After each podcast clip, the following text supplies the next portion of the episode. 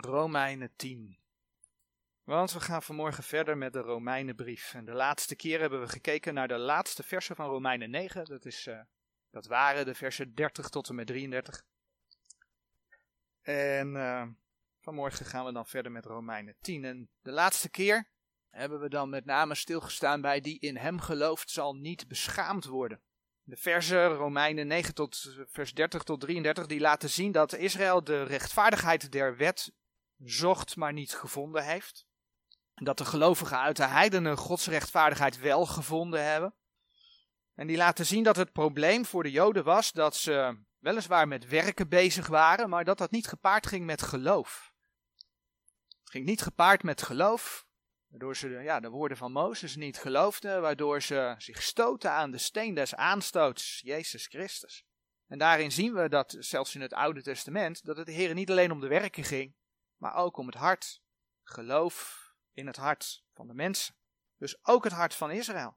Daardoor zegt, dat geldt vandaag de dag, maar dat geldt ook voor het Joodse volk, die in hem gelooft, zal niet beschaamd worden. Nou, vandaag willen we dan verder gaan met Romeinen 10 en dan lezen we de eerste vijf versen van Romeinen 10. Broeders, de toegenegenheid mijns harten en het gebed dat ik tot God voor Israël doe, is tot hun zaligheid. Want ik geef hun getuigenis dat zij een ijver tot God hebben, maar niet met verstand. Want alzo zij de rechtvaardigheid Gods niet kennen en hun eigen gerechtigheid zoeken op te richten, zo zijn zij der rechtvaardigheid Gods niet onderworpen. Want het einde der wet is Christus, tot de rechtvaardigheid en iegelijk die gelooft.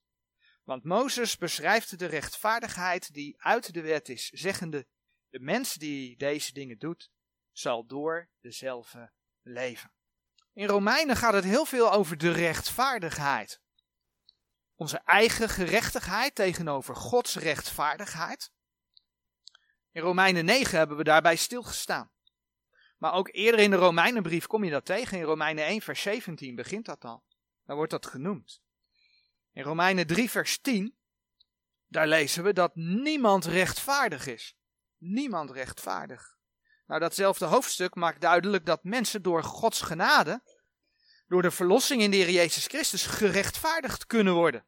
Romeinen 3, vers 24. De Heer Jezus is voor de zonde van de mensen gestorven, waardoor ze vergeven kunnen worden. Waardoor ze met God verzoend kunnen worden. Waardoor de gelovige vrede heeft met de Heere God. Hij is verzoend. De gelovige, hij of zij, is verzoend met God, heeft vrede met God. Romeinen 3, vers 25. Ja, zo hebben we dus de laatste keer, eigenlijk noemde ik het net al even, met de laatste versen van Romeinen 9 gezien dat Israël dus geen geloof had. De werken der wet die de Heere onder de wet wel degelijk vroeg, want dat vroeg de Heere toen, gingen niet gepaard met geloof. Waardoor allerlei eigen regeltjes gingen gelden. Men ging er eigen regels naast dat woord van God maken. Er gingen eigen wetten ontstaan, die soms boven dat woord van God verheven werden. Nou, en dan lezen we dus in Romeinen 10 opnieuw over die rechtvaardigheid. In Romeinen 10 vers 1, daar hebben we gelezen, broeders, de toegenegenheid mijns harten en het gebed dat ik tot, Israël, dat ik tot God voor Israël doe, is tot hun zaligheid. In Romeinen 9, de eerste vijf versen, hebben we gelezen dat Paulus bedroefd was. Paulus was bedroefd omdat de Joden de Heer Jezus niet kennen, toen niet kenden. En dat geldt nu grotendeels ook nog, nu niet kennen. En de Joden hadden zoveel, zegt Paulus in die, in die, in die eerste vijf versen. de, de, verbonden waren van het Joodse volk. De wet was van het Joodse volk. De beloften uh, waren van het Joodse volk. Ze hadden zoveel. En toch kenden, toch kennen ze de Heer Jezus niet. En dan zegt Paulus in die versen dat, dat hij zelf wenste verbannen te zijn. Zodat het Joodse volk de Heer wel zou kennen. Nou, dat is natuurlijk onmogelijk. Dat Paulus verbannen zou worden, voor anderen. Ik bedoel, laten we wel zijn, er is er maar één, met hoofdletter, die dat kon. Dat is de Heer Jezus. Hij was zonder zonde. Dus kon hij zichzelf voor anderen geven. In de ogen van God de Vader. Maar daarom bidt Paulus. Bidt Paulus voor Israël. Met toegenegenheid, met liefde. Met liefde voor zijn fysieke broeders. En hij bidt voor hun zaligheid. Ja, dat mogen wij ook doen. Bidden voor Israël. En ja, de Heere zegt in zijn woord, en zo zal het zijn, dat een overblijfsel van het volk hem dient. Maar wij mogen bidden dat er toch nog Joden zijn die nu al hun Messias mogen leren kennen. We mogen bidden dat de, dat de tijd spoedig mag komen, dat de Heer zich gaat openbaren aan zijn volk. Ik bedoel, als de Heer zich gaat openbaren aan zijn volk, dan bidden we ook voor onze eigen geweldige toekomst. Want zeven jaar ongeveer voor die tijd worden wij opgenomen. Dat de Heer spoedig mag komen. Dat Israël hem op dat moment geheel mag aannemen.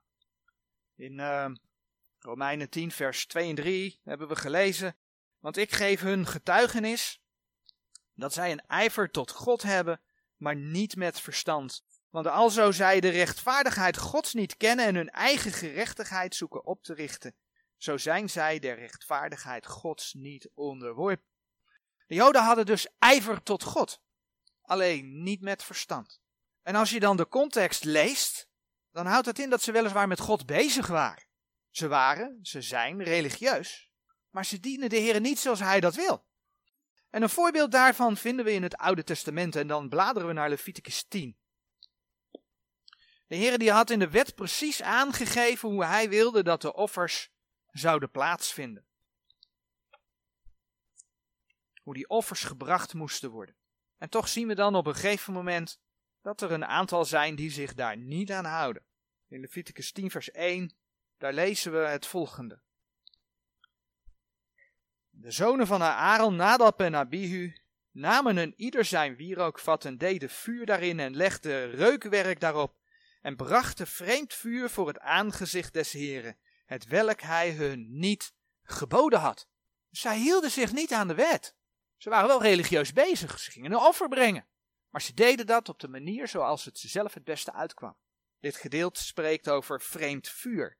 En het gevolg, Leviticus 10 vers 2, daar lees je dat ze daar sterven. God neemt het dus niet dat ze vreemd vuur voor zijn aangezicht brengen. Nou, de profeet Jezaja die zegt later uh, in Jezaja 48 vers 1. Jezaja 48 vers 1.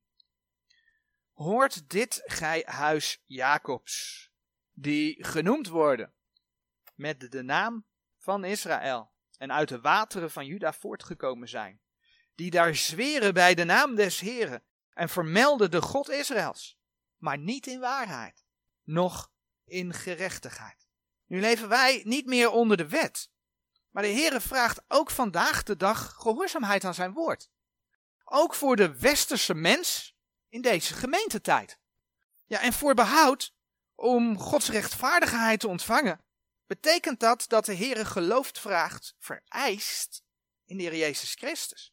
We kennen die tekst allemaal wel. Johannes 3, vers 36. Maakt dat ook gewoon heel duidelijk. Die in de zoon gelooft, die heeft het eeuwige leven. Maar die de zoon ongehoorzaam is, die zal het leven niet zien. De zoon geloven, eeuwig leven. De zoon ongehoorzaam zijn, dus de zoon niet geloven. Die zal het leven niet zien, maar de toren gods blijft op hem. Dus om bij de Heer te komen heeft gewoon de westerse mens deze eis. Jezus Christus. De Heer heeft duidelijk gemaakt dat mensen uit zichzelf niet rechtvaardig kunnen worden voor de Heere God. Nergens door. En toch is dat, hè, Romeinen 10, wat de Joden deden, ja, wat de Joden ook vandaag de dag nog veelal doen. Voor zover de Joden dan religieus zijn. Het ging niet gepaard met geloof, waardoor ze de rechtvaardigheid Gods niet kenden, niet kennen. En ze dus eigenlijk alleen maar bezig zijn met eigen rechtvaardigheid. Kijk, mij is goed zijn. En dan zegt dus Romeinen 10, die verse, dat ze Gods rechtvaardigheid niet onderworpen zijn. Maar dat geldt vandaag de dag voor zoveel. Zoveel mensen zijn religieus, proberen sacramenten te houden, proberen goede werken te doen voor de naaste. Uh, er zijn een aantal nobele doelen die mensen nastreven. Zo proberen ze goed weg te komen. Een plaatsje in de eeuwigheid te verwerven. Ik doe wel mijn best, maar het brengt je niets, omdat er niemand rechtvaardig is voor God. Romeinen 3 vers 10. Je hebt Gods rechtvaardigheid nodig. En die is alleen te verkrijgen door het volbrachte werk van Jezus Christus. Romeinen 10 vers 4. Want het einde der wet is Christus tot rechtvaardigheid een iegelijk die gelooft. Door alleen de wet te houden zonder geloof lukte het Israël niet om rechtvaardig te worden in Gods ogen. Maar de Jezus is gekomen, hij heeft de wet volbracht. Hij was zonder zonde en daardoor kon hij voor onze zonde sterven. Dus zelfs met geloof lukt het de mens vandaag de dag niet om rechtvaardig te worden door de wet. Nogmaals, want het einde der wet is Christus, Romeinen 10 vers 4. tot rechtvaardigheid en iegelijk die gelooft. Rechtvaardig worden kan dus alleen door Jezus Christus. En dan gaat het niet meer om jouw rechtvaardigheid. Kom ik zo nog even op terug, wat onder de wet dus wel, wel degelijk gevraagd werd. Dan gaat het niet meer om jouw rechtvaardigheid, maar dan krijg je Gods rechtvaardigheid. Over bekende tekst in 2 Korinthe 5, vers 21. Het is niet de eerste keer dat ik hem aanhaal, maar deze tekst is gewoon zo duidelijk. Want die die geen zonde gekend heeft, heeft hij zonde voor ons gemaakt, opdat wij zouden worden rechtvaardigheid Gods in hem. Het gaat niet meer om onze rechtvaardigheid. Kijk eens hoe goed wij zijn. Dit hebben wij bereikt. Maar God geeft in Jezus Christus zijn rechtvaardigheid. In 2 Petrus 1, eh, vers 1 en 2 komt dat ook heel mooi naar voren. 2 Petrus 1, de eerste twee versen. Simeon Petrus, een dienstknecht en apostel van Jezus Christus, aan degene die, e die even dierbaar geloof met ons verkregen hebben door de rechtvaardigheid van onze God en zaligmaker Jezus Christus. Genade en vrede zij u vermenigvuldigd door de kennis van God en van Jezus onze Heere. Aan degene die even dierbaar geloof met ons verkregen hebben door de rechtvaardigheid van onze God en zaligmaker Jezus Christus. Dus je ijver voor God haalt helemaal niets uit als je niet de juiste basis hebt. Ook vandaag de dag niet. Ja, en dan zegt Romeinen 10 vers 5 nog.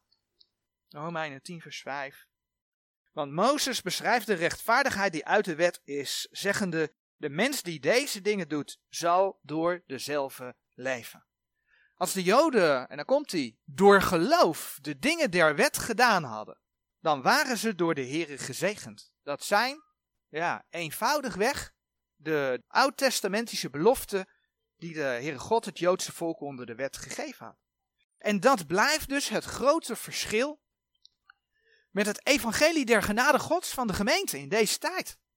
Waar de Heere spreekt over, Efeze 2 vers 8, uit genade door geloof. En niet uit de werken. Efeze 2 vers 9. We hebben alweer een tijdje geleden bij stilgestaan dat er vaak geleerd wordt dat het behoud in het Oude, Testament, Oude Testamentische tijd, hè, dus voor het kruis van Christus, hetzelfde is als het behoud in, in de gemeentetijd, na het kruis van Christus. En men zegt dan hè, dat wij terugkijken naar het kruis. En dat ze in het Oude Testament vooruitkeken naar het kruis. Dat laatste, wij kunnen terugkijken naar het kruis. Wij zien op het kruis. Want het kruis van Christus, zijn vergoten bloed aan dat kruis, laat ik even wel zijn, dat kruis op zich, dat was alleen maar een middel om de Heer te laten sterven. Maar het vergoten bloed van de heiland aan het kruis, daar kijken wij op terug. Dat geeft ons eeuwig leven. Maar dat was in het Oude Testament een verborgenheid. En zelfs de, de, de discipelen, die zagen dat niet. Zelfs tot na zijn opstanding. Als je het wil opzoeken, bijvoorbeeld Lucas 24, vers 11. Toen, toen het nieuws van de opstanding verkondigd werd, dan lees je daar, en hun woorden schenen voor hen als ijdel geklap, en zij geloofden hen niet. Ze konden het daar nog niet vatten. En dat is het grote verschil tussen behoud van het Nieuwe Testament en behoud van het Oude Testament. Dus opnieuw zien we hier in Romeinen 10, ondanks dat de Heer laat zien dat ook de Joden geloof nodig hadden, het verschil met ons in de gemeentetijd. Maar dat neemt dus niet weg dat de heren van Israël onder de wet geloof vroeg. En ook neemt dat niet weg dat er ook vandaag de dag geldt dat je ijver voor God niets uithaalt als je niet van Gods voorwaarden uitgaat. Als je niet de juiste basis hebt. En dat begint in deze gemeentetijd bij het geloof in Jezus Christus, zijn volbrachte werk. En met hem Gods rechtvaardigheid. Dat je dat aangenomen hebt. Dat je Gods woorden aanneemt. Want we kennen die boodschap door Gods woorden. Dan pas heeft ijver voor de Heere zin. Amen.